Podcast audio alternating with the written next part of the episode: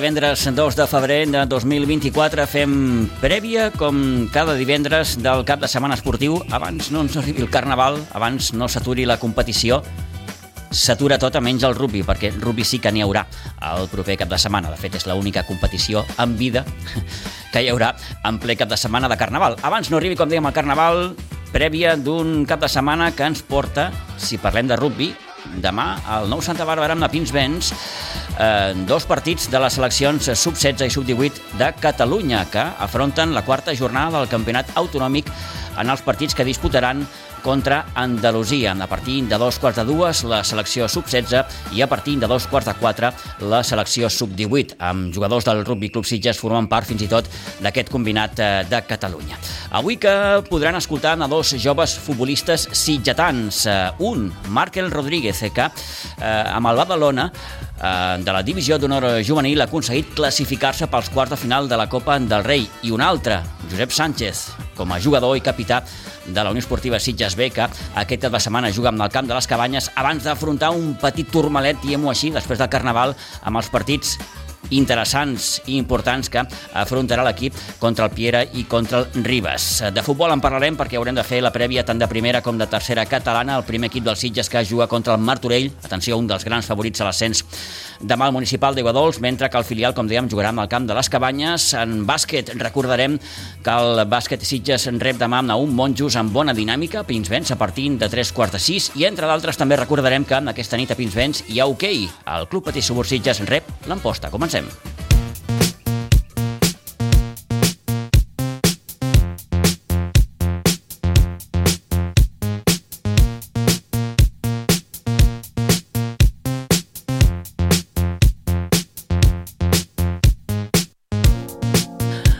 Les 10 i 56 minuts del matí. Comencem avui parlant de la Copa del Rei Juvenil de Futbol perquè hores d'ara, com els dèiem, tenim dos sitgetans classificats per disputar els quarts de final. Markel Rodríguez amb el Badalona i Lluc Castell amb l'Espanyol. El Badalona que va superar amb el Barça en els vuitens de final, mentre que l'Espanyol va derrotar el Real Madrid tots dos amb idèntic marcador, de 2 a 1.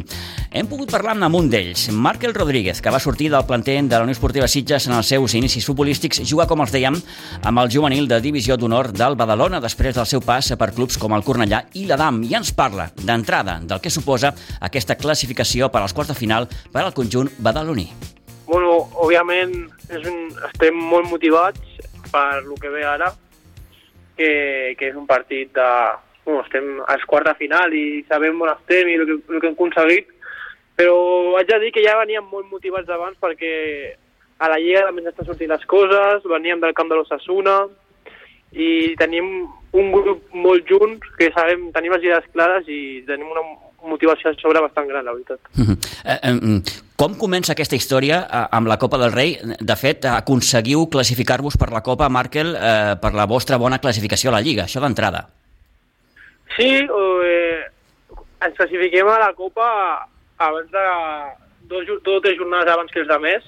O sigui, això significa que, que el nostre paper a la Lliga està sent molt bo. Eh, crec que a casa hem perdut un cop i va ser contra el Barça i, i la veritat estem donant un nivell molt, molt, molt a la Lliga i també ho estem demostrant a la Copa que crec que ens hem tret de sobre dos, dos grans, Osasuna i Barça i fora de casa i, i aquesta dinàmica positiva és per, per el contrari que estem fent. -huh. eh, um, aquest camí comença um, guanyant el, a l'Ossassuna, uh, als setzents de final, veu, veu aconseguir la victòria en 0 a 2. Aquest va ser el primer pas. Sí, sí, sí, vam anar allà a Pamplona, la veritat, un camp, un camp complicat, però una experiència molt maca i vam fer un partidàs. I després aquesta classificació per vuitens que us va enfrontar doncs, a un dels grans, com és, com, és, com és el Barça. Sí que és cert que el Barça, Markel, eh, afrontava aquest partit amb, amb baixes importants, eh, però bé, eh, allà veu estar i veu aconseguir la victòria per 2 a 1. Sí, bueno, crec que, que el Barça és el Barça, igual que tingui baixes o no tingui baixes, eh, són els millors jugadors, són els elegits i, i és veritat que tenien uns quants jugadors en la selecció, però però havíem d'anar al seu camp i guanyar i, i ho vam fer i, i la veritat que crec que merescut perquè vam fer un partidàs de tot l'equip va ser jo crec que va ser brutal, va ser una experiència única i bueno, a veure ara què passa. Uh -huh. eh, sé que és un tòpic, però per guanyar a rivals d'aquesta envergadura, Markel, eh, sempre diuen que tu has d'estar molt bé i, i l'altre no tant. Bueno, crec que vam... El, va ser un partit competit pels dos equips, però al final nosaltres vam estar... Vam, vam fer el que teníem que fer i quan vam arribar les vam fotre dintre eh, i vam competir a tu a tu, o sigui, ens vam deixar la play als 90 minuts, tot l'equip, i crec que això va ser la clau de competir, competir, competir, i quan arribem a dalt, si les tenim, fotre's dintre, i això així va ser. Mm. Esteu, dintre de tot, una mica sorpresos, vosaltres mateixos, Markel, o no? Bueno, estem sorpresos, però perquè al final és una fita històrica el que estem fent, o sigui... Per això. Som el, és el Badalona i estem als quarts de final eliminant aquests dos equips, però nosaltres sabíem de les nostres capacitats, sabem la plantilla que tenim, com juguem, la idea que tenim i, i que, sabien que eren capaços de fer-ho, però òbviament no deixar de sorprendre perquè al final és algo eh, únic i, i crec que hem de disfrutar-ho perquè ens ho mereixem. Mm -hmm. Esteu ja als quarts de final, eh, el jugareu crec que el dia 14, no?, contra, contra el Leganés. Sí, a casa el dia 14, l'hora encara no, mm -hmm. no se sap, però sí, sí. Eh, positiu de jugar a casa? Sí, òbviament. Mm. Jo crec que jo crec que és algo algo que volíem tots perquè al final venim de dos partits fora on ha sigut brutal però jugar un partit a casa amb la nostra gent um, a veure si tenim la sort de que vingui, de que vingui bastanta gent i poder, i poder tindre l'estadi eh, ple seria, serà brutal, uh -huh. la veritat. Eh, els altres enfrontaments, recordem, són l'Espanyol Betis, l'Oviedo Llevant i el Mallorca Deportivo. Recordem que els quatre equips que es classifiquin disputaran una, una final a quatre que jugarà el mes que ve. Esteu a un pas Sí, sí, estem a, a un pas de, com diria, de la glòria, no? d'anar cap a la Final Four on podem dir que estan els quatre millors equips d'Espanya, o sigui, si ens plantem allà i, com tu dius, estem a un pas, estem a, a les nostres mans, ho tenim a tocar. Juguem a casa, contra un gran rival, sí que és veritat, però, com, com ja t'he dit, confiar en nosaltres mateixos sabem que, sabem que ho podem fer. Eh, deies, com a experiència brutal, òbviament, per tu personalment, personalment Markel, què, què, què suposa viure una experiència així? Bueno, jo al final vinc d'un... Jo crec que era el meu pitjor any esportivament parlant, eh, perquè em vaig trencar els creuats, el menisc, vaig estar un any fora dels terrenys de joc, però arribar aquí a Badalona i viure tot el que estic visquent eh, és que el, el meu millor somni. O sigui, està sent espectacular, però vull que, continu, que continuem així, o sigui, la Lliga igual, a la Copa seguir i personalment estic molt content perquè poder, poder estar un altre cop a un nivell així, tenir minuts un altre cop després de tot el que, de lo que ha passat és, bueno, és brutal, la veritat. Mm. Eh, et pregunto ara que ho comentes, eh, t'ho volia preguntar, però ara que ho has dit, eh, com, com, com has viscut tot aquest temps lesionat? Eh, són, són lesions complicades? Sí, sí, sí, no, o sigui, al final estar tant de temps com, qui diria, treballant a la sombra costa molt, perquè treballes, entrenes sol, el grup al final té que mirar pel, pel, pel, seu, pel seu bé, mm. i el grup no mirarà pel, per, un, per un lesionat i, i això costa molt, costa molt de, de passar, ho he passat malament, però ja et dic, està valent la pena per tot el que estic visquent ara, per com estem, però bueno, és això, no... Mm. el més difícil és, és, és tra el, treball, el treball invisible que dic jo, no? Ja, i, i el treball en solitari, en definitiva, és, suposo aquella sensació que, que et, sents, et sents fora, no? Et sents apartat. Exacte, o sigui, mm. que tothom estigui al camp i tu tinguis que anar al gimnàs, al fisio, fer hores, hores, hores extra, i treball, treball, i, i després no poder jugar a futbol, o sigui, això també mentalment costa tor després tornar però bueno, són coses que, que li passen als futbolistes, no? Ara estem veient un munt de creuats. Sí, sí, però, sí, sí. És, és... Són coses que s'han de passar i ho hem passat per, per veure el que estic visquent ara, no? Per, per gaudir un altre cop i, i la veritat que molt content. Doncs fixa't ara, Markel, a la Lliga, eh, ben posicionats, eh, classificats pels quarts de la Copa. És, és com, com un premi, no?, també, per tu, personalment? Sí, sí, i tant. O sigui, al final jo quan em vaig lesionar et passen moltes coses pel cap i, i ninguna és bona, o sigui, des de plantejar-te què fem al futbol, si tornaré a estar igual, a tornar amb por, però al final si, si vols tornar tot això és fum i un cop arriba l'hora de la veritat t'olvides de tot i jugues a futbol i sí, sí, és un premi, és un premi molt gran això que estic visquent ara, de veritat. Mm. Primera temporada a Badalona, oi?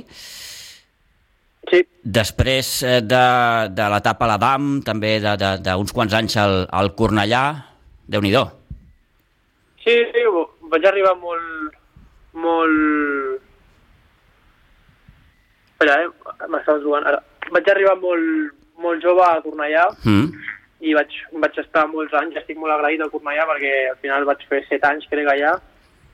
I, i després vaig arribar a l'Adam, on em van tractar molt bé perquè em van fitxar amb el creuat trencat, em vaig recuperar amb ells, estic molt agraït també a l'Adam. Però al final, quan les coses futbolísticament no surten com vols, pues, has de buscar sortides i vaig, vaig caure a Badalona amb un entrenador que, que m'agradava molt i, i ho vaig tindre clar i, i molt content de la decisió que vaig prendre i ens estan sortint les coses bé. Uh mhm. -huh. Bé, no oblidem que eh, el Markel, eh, les seves primeres passes futbolístiques les dona precisament aquí a Sitges, al planter dels Sitges. Sí, sí, sí de les millors èpoques de la meva vida, la veritat. O sigui, vaig ser molt feliç. Sí, sí. Bons records, no? Molt, molt bons records, molt bons records. Els, tots els amics, bueno, els entrenadors que vaig tindre, i superagraït al club, sempre. Mm -hmm. Arribats a aquest punt, Markel, i amb això acabaríem, eh, fins on vols arribar? Quin és el teu somni? Si Home, és que en tens. clar, clar, jo ho tinc clar, jo vull ser futbolista professional. No, o sigui, jo vull viure al futbol, vull aixecar-me pel matí per anar a entrenar i, i, i competir el fin de, i, i com més a dalt millor. No tinc un altre somni, és, és això. Uh mhm. -huh. O sigui, disfrutar el futbol fins que tingui... La, fins quan pugui, fins que el meu cor digui ja. Saps? Molt bé, perfecte. Doncs és un bon missatge per acabar. Markel, gràcies per haver atès la nostra trucada, que vagi molt bé i moltíssima sort per aquesta propera eliminatòria de, de quarts de final. Moltes gràcies, gràcies a vosaltres. Que vagi bé.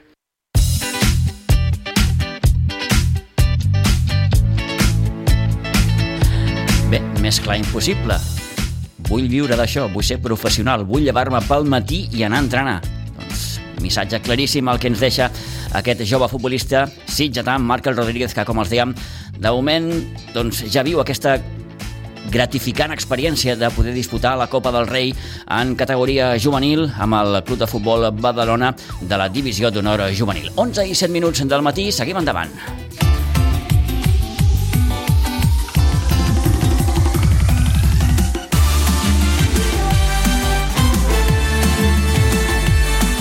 Seguim endavant perquè a la preferent de juvenils la Blanca afronta en aquesta propera jornada amb el repte de poder treure quelcom de positiu del camp del líder. Hores d'ara, però, amb els números a la mà, Sembla gairebé missió impossible, tot i que l'única derrota de tota la temporada de l'Amposta ha estat precisament al seu camp, una Amposta que ja es va imposar de forma clara amb la Blanca, amb el Nou Pinsbens per 1 a 4 amb la primera volta. Amposta Blanca Subur aquest diumenge, dia 4, partint de les 5 de la tarda. I amb el record encara de l'enfrontament de la primera volta, el juvenil B de segona divisió també s'enfronta al líder aquesta propera jornada, un Castellví de la marca que supera la Blanca només 3 punts i que tractarà de ben segur d'ampliar una miqueta més aquesta diferència. El tècnic del juvenil B de la Blanca, Sigor Bengoa, parla fins i tot de partit clau per al desenvolupament del campionat. Doncs bé, la veritat és que mirant de gaudir la, la setmana, centrant-nos en el que sabem fer, amb la nostra idea de joc, eh, som conscients de quins són els seus punts forts i els seus punts menys forts. A partir d'aquí, doncs, eh, sabent que hem de tenir personalitat, que hem d'anar a pel partit, que després pot passar qualsevol cosa, que passi el que passi, doncs, que, que no s'acabarà aquí la Lliga, que tant si guanyem com si no guanyem, doncs que encara quedaran set jornades que seran tan importants com aquesta però que aquest partit pot, pot eh, marcar una miqueta el desenvolupament, no? Eh, que tenim l'oportunitat de recuperar la primera plaça i que hem de fer el possible doncs, per, per aconseguir-ho. I res, en confiança amb els nanos i, i mirar de disfrutar-ho perquè són, són setmanes maques i, i al final es passen molt ràpid i, i, i això és el que, pel que estem cada any i, i cada temporada lluitant no? per, aquest, eh, per viure aquests partits. Així que amb ganes i, i a per ells. Doncs amb ganes i amb confiança en aquest repte que té el juvenil B de segona divisió en la visita també al camp del líder, al camp del Castellví de la Marca. Repassem la resta de partits dels equips de la Blanca. Tenim ja l'Isidre amb el telèfon. Isidre Gómez, bon dia, bona hora. Hola, molt bon dia. déu nhi quina jornadeta amb aquests dos partits del, del juvenil A i del juvenil B. Ja ens ho destacaves eh, aquest passat dilluns. En posta, el juvenil A, Castellví de la Marca, juvenil B. déu nhi no està mal. Bueno, mira, és uns llocs que en principi, per la teoria, si vas a jugar al camp del líder, el partit el tens perdut. És un lloc on te pots, pots treure.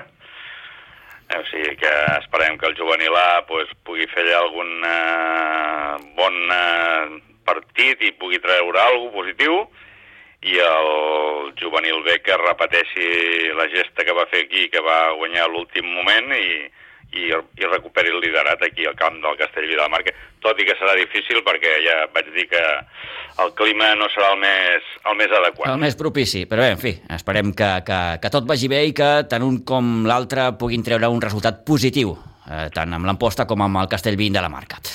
Què més tenim, Isidre? Pues mira, continuarem pels Cadetà, que jugarà dissabte a les 8 del vespre contra Vilanova i Geltrú al Parc del Garraf, el cadet Vents també ens jugarà demà dissabte a les 7 de la tarda a Pinsbens contra l'Atlètic Sant Just C.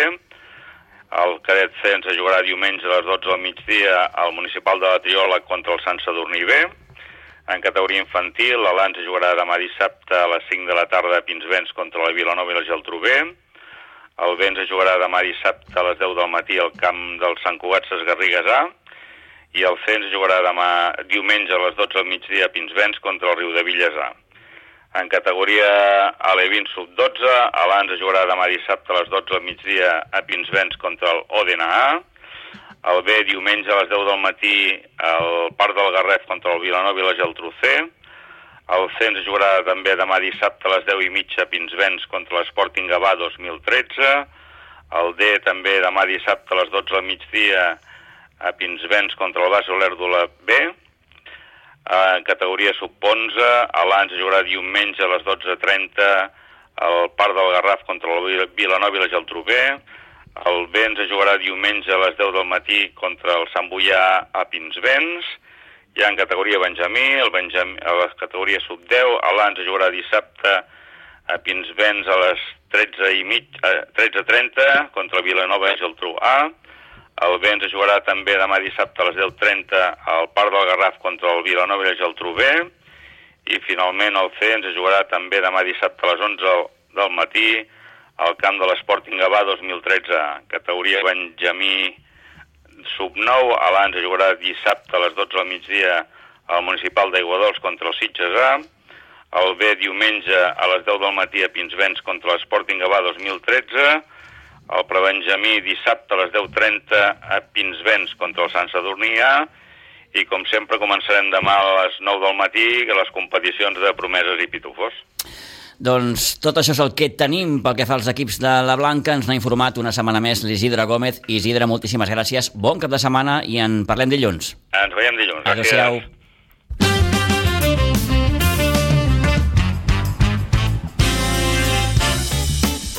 Vinga, comentar-los també que pel que fa als equips de la Unió Esportiva Sitges, destacar, per exemple, el partit que en el juvenil C, que és líder del seu grup, eh, juga demà a tres quarts de vuit a Dols, davant el base Olèrdula, mentre que el cadet de preferent visita a la Floresta, un partit que jugarà demà dissabte a partir de les 12 del migdia. Vinga, seguim endavant, anem a la primera catalana perquè de ben segur que la Unió Esportiva Sitges voldrà fer bo al punt de Vilafranca amb una victòria demà a Iguadols. No ho tindrà fàcil perquè Toni, bon dia. Bon dia, bon dia, Pitu. Davant tindrà un rival, com diu aquell, d'empaque, el Martorell, nada menos. Sí, sí, un dels sí. grans favorits, diuen, a aconseguir l'ascens aquesta temporada. Sí, un, Un dels... dels grans equips, diria jo, de la categoria. Sí, sí, un gran equip, un dels candidats, tot i que s'ha trobat eh, en un grup on Vilanova, Sant Just i Sant Idefons comencen a marcar una miqueta doncs, la tendència final de lo que pot donar aquest campionat, no? Però és un equip que està allà, un equip que doncs, a, a, a cap contrari tan sol ha perdut dos partits, al camp del Sant Idefons i al camp del Vilanova, i que la trajectòria que porta és bona, eh? perquè ha perdut dos partits, ha empatat tres i, i ha guanyat dos. Sí, sí, bona trajectòria d'aquest Martorell que se les veurà demà amb la Unió Esportiva Sitges al Municipal d'Aiguadols a partir de dos quarts de sis de la tarda. Precisament el tècnic del Sitges, Toni Salido, reconeixia fa uns dies que una derrota l'altre dia amb l'Atleti Vilafranca hauria estat motiu suficient de preocupació. Hombre, claro que preocupa, preocupa porque, porque al final el grupo no, no cuando tú eh, vas perdiendo, por mucho que vayas haciendo bien, entras en una dinámica que no, que no es buena. O sea, al final el fútbol se trata de meterla y de sacar puntos, o sea, no, no hay otra. Entonces, eh, preocupa de que si tú encadenas tres, tres derrotas seguidas, eh, ya vas con el agua al cuello. Pero esto, esto aquí y, y en todos los deportes, creo. Al final, al final la competición tiene un sistema que es puntuar cada semana y cuando tú no puntúas eh, semana tras semana, pues llega un momento que, hay que hacer algo. Entonces, por lo cual, eh, encadenar la tercera derrota se hubiese sido un palo duro para el grupo porque creo que no se lo merecía. Creo que no se lo merecía porque están entrenando bien, eh, son solidarios, son, son, son trabajadores. La verdad que, que intentamos hacer un buen juego con pelota, y, pero es lo que hablamos. Eh, este juego es de meterla y si la metes sacas puntos, si no la metes no, no sacas puntos. Entonces, claro, encadenar tres derrotas seguidas hubiese sido un palo hoy y por eso estoy muy feliz y muy contento de que, de que haya sido por lo menos un punto y romperlo. Doncs, com deia Toni Salido, ara caldrà fer bo aquest amb un bon resultat demà a Iguadols, Toni. Sí, a més és molt important. Recuperar perquè... la dinàmica de, de guanyar partits, sobretot, sí, eh? Sí, perquè es ve d'una derrota aquí al municipal, a Malascó, i ara doncs, el Sitges té que recuperar i per això té que guanyar aquest partit.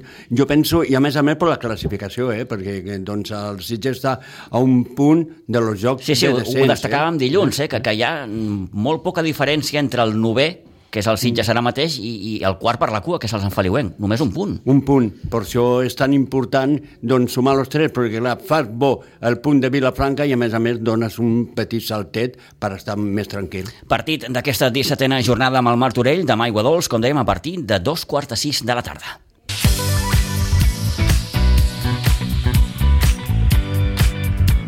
I anem ja a la tercera catalana perquè abans del parèntesi del Carnaval i d'afrontar amb els partits amb el Piera i el Ribes, el Sitges B ha d'intentar fer els deures al camp de les Cabanyes on jugarà demà a partir de les 5 de la tarda. Toni. Sí, a més... És... Ens fixem molt en Piera i Ribes, que és passat Carnaval, perquè els tenim allò en el punt de mira, però eh, demà s'ha d'intentar fer la feina a les cabanyes. Clar, tu no pots fallar. Eh, si vols jugar amb el Pierre a casa i intentar guanyar-lo al Ribas, doncs primer, abans de pensar en ells, tens que pensar que tens que guanyar demà.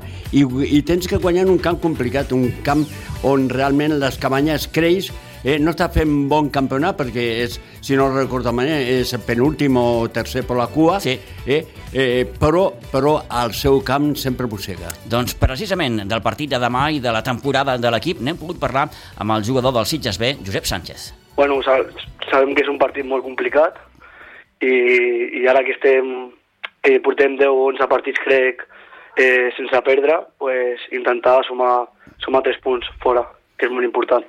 Eh, és un partit d'aquells trampa, no? Sí, sí, bueno, eh, jo des de que estic aquí al Sitges B, que porto dos o tres anys, he jugat dos vegades allà i, i hem guanyat al 90. Espero que, que aquest dissabte podem guanyar amb tranquil·litat i, no, i que no sigui al minut 90. I que no sigui un partit tipus el de l'altre dia amb la Granada, no, Josep? No, anava. Anaven passant els minuts i, escolta'm, el gol no arribava, eh, entres en aquell, en aquell neguit eh, i, bueno, al final va acabar bé. Sí, esperem que, bueno, que, sigui, que sigui diferent, però bueno, també ens estem, prepara es, es, estem preparant per, perquè si n'hi ha partits així, pues, que la pilota, que la pilota entri abans.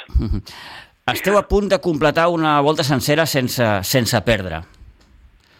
Això és molt fàcil de dir, però difícil de fer. Sí, clar, sí, eh, és molt complicat fer el que estem fent, la veritat, però bueno, també es té que veure el treball que, que n'hi ha dins, eh, de l'estaf, dels jugadors i de la unió que tenim, els jugadors. Són 12 partits consecutius sense perdre, Josep. Repeteixo, això és molt, molt, molt complicat. L'última derrota és el dia del Ribes aquí al, al municipal de Guadols. De fet, les dues úniques derrotes són precisament amb el Piera i el Ribes. Per tant, a partir d'aquí, és un repte el que teniu per davant?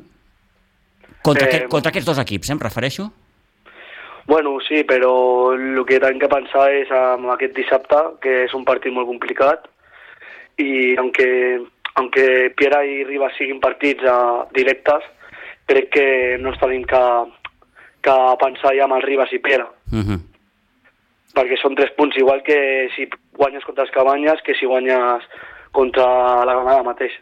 I, i s'està demostrant, Josep, que, que mm, aquests equips estan perdent punts. L'altre dia per punts al Fàtima, per punts al Ribes, per punts al Bas Espirall, l'únic que va guanyar vau ser vosaltres i el Piera, per tant, eh, el, el, el paper dels Sitges entenc que ha de ser una miqueta aprofitar no? eh, això.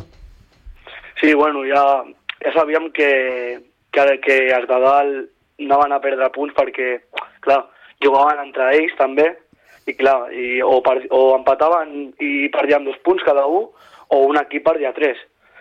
I nosaltres, bueno, eh, teníem partits, entre comilles, assequibles, que per mi no són assequibles perquè cada partit és un món, i bueno, hem, ho hem aprofitat i ara estem a la pomada i, i bueno, però, però tenim que seguir així, així i, i sigui quin equip sigui tenim que anar per totes.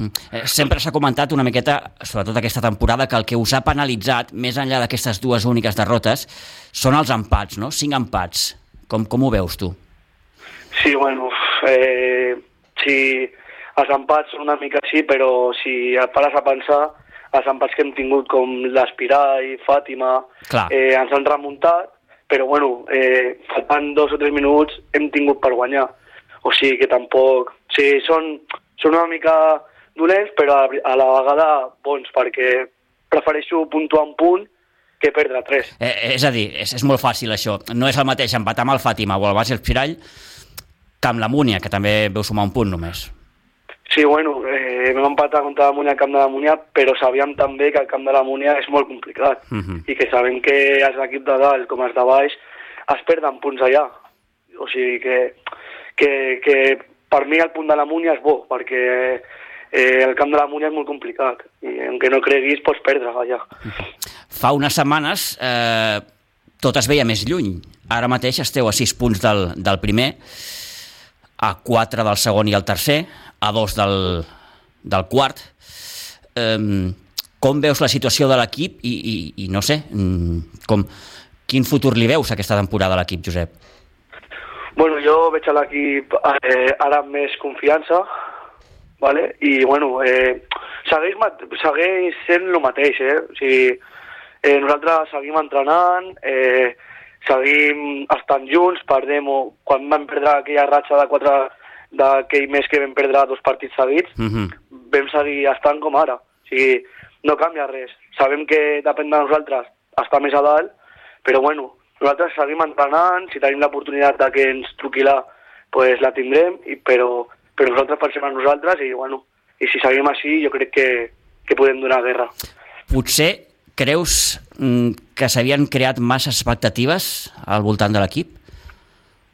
Eh, Què en sí, penses? bueno, sí, sí, clar. Eh, et ve, et venen tres fitxatges molt bons com Rubén Mónago, Àlex López, Casanyola i Tamayo, que són jugadors molt bons, que ens han ajudat molt. I clar, amb l'equip que tens, portes dos anys eh, quedant tercer, doncs dius, aquest any potser és l'any que, que podem pujar.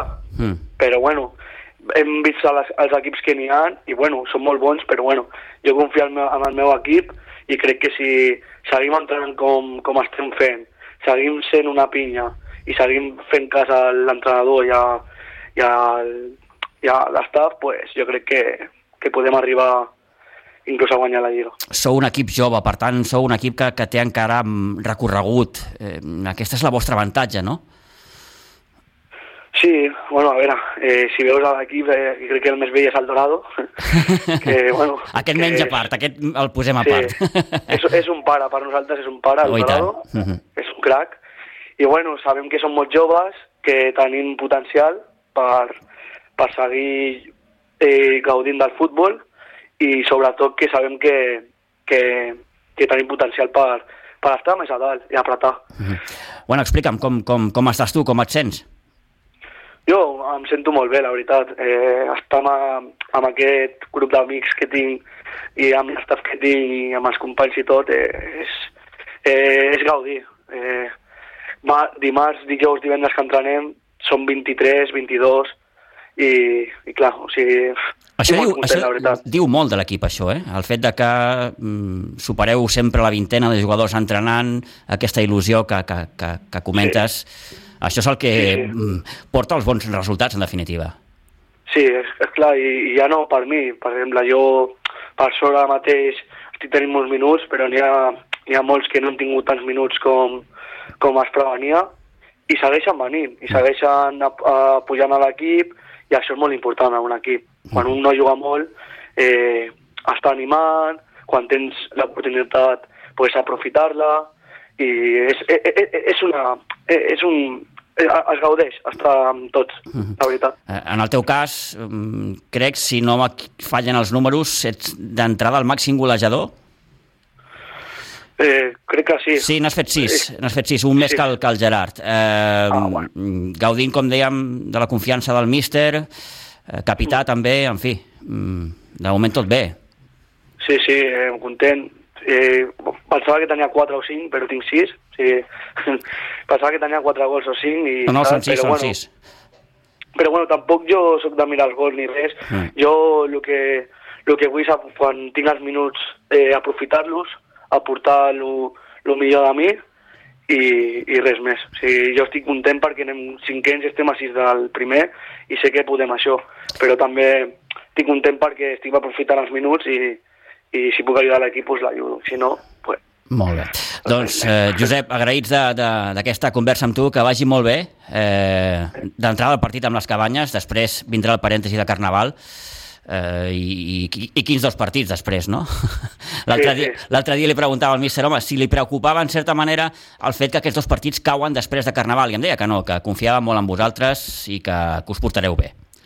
Sí, sí. bueno, l'important és, eh, és pensar en cabanyes i després carnaval i ja, ja vindran. Molt bé. Josep, gràcies, una abraçada. A tu, moltes gràcies, Pitu. Una abraçada.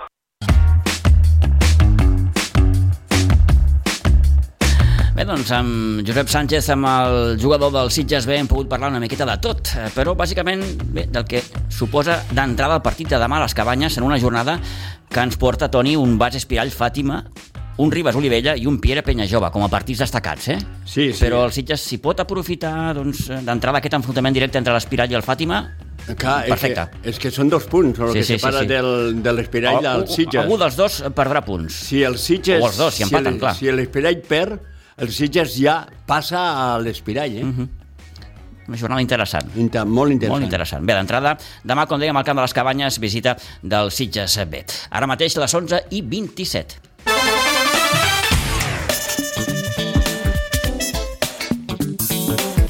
Vinga, seguim endavant perquè el bàsquet Sitges eh, s'enfronta demà a tres quarts de sis de la tarda al Monjos a Pinsbens, un Monjos que, com els sitgetans, eh, ve de guanyar amb els dos últims partits a la primera volta. Recordem victòria del bàsquet Sitges per 65 a 70 pel que fa amb el sènior femení jugaran a dos quarts de vuit, és a dir, després, davant el Joventut Sant Vicenç, equip que ara mateix és tercer per la cua amb només dues victòries.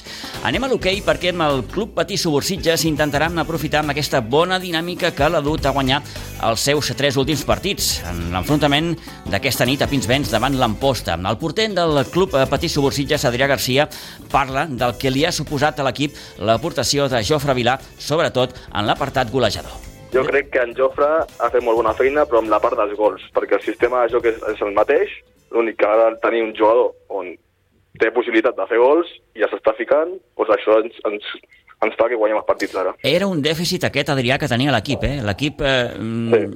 no acabava de rotllar per això, no? Perquè sí que creava ocasions, tenia ocasions, però li faltava aquesta última bola, aquesta última acció definitiva. I sembla que això el Jofre us, us ho dona i molt. Sí. Jo crec que el Jofre ha sigut molt important amb, amb aquesta segona volta ara i amb els últims partits de la primera, perquè ja et dic, és un jugador que té gol, i amb aquest sistema, si fem el pas al Jofre i el Jofre aconsegueix xutar o aconsegueix entrar a interària, un 80% és que sigui gol. Uh -huh.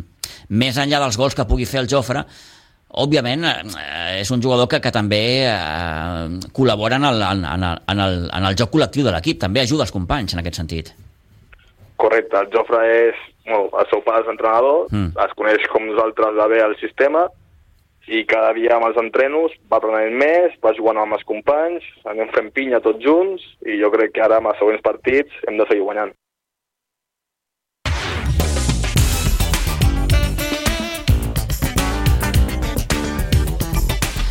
Bé, les paraules eh, d'Adrià Garcia, del porter del Club Patí Subursitges, partit davant l'Amposta, que es jugarà, com dèiem, aquesta nit a Pinsbens a partir de dos quarts de deu. Acabem amb una mica de poliesportiu. Aquest cap de setmana no hi ha jornada de rugby a la divisió d'honor catalana, però sí que tenim rugby de seleccions demà amb el nou Santa Bàrbara, a Pinsbens perquè eh, acolliran els partits de la quarta jornada del campionat autonòmic que enfrontaran Catalunya i Andalusia en les categories sub-16 a partir de dos quarts de dues i sub-18 a partir de dos quarts de quatre. Amb la selecció sub-18, per cert, hi seran tres jugadors del Rugby Club Sitges, Eric Romero, que formarà part fins i tot del 15 titular, Santino La Pietra i Noah Williams. En futbol sala, jornada número 12 a la Lliga de segona divisió que ens porta derbi entre el futbol sala Sitges i l'agrupació esportiva de les botigues de Sitges, partit que jugarà diumenge al pavelló de Pinsbens a partir de dos quarts de cinc de la tarda. I amb això acabem.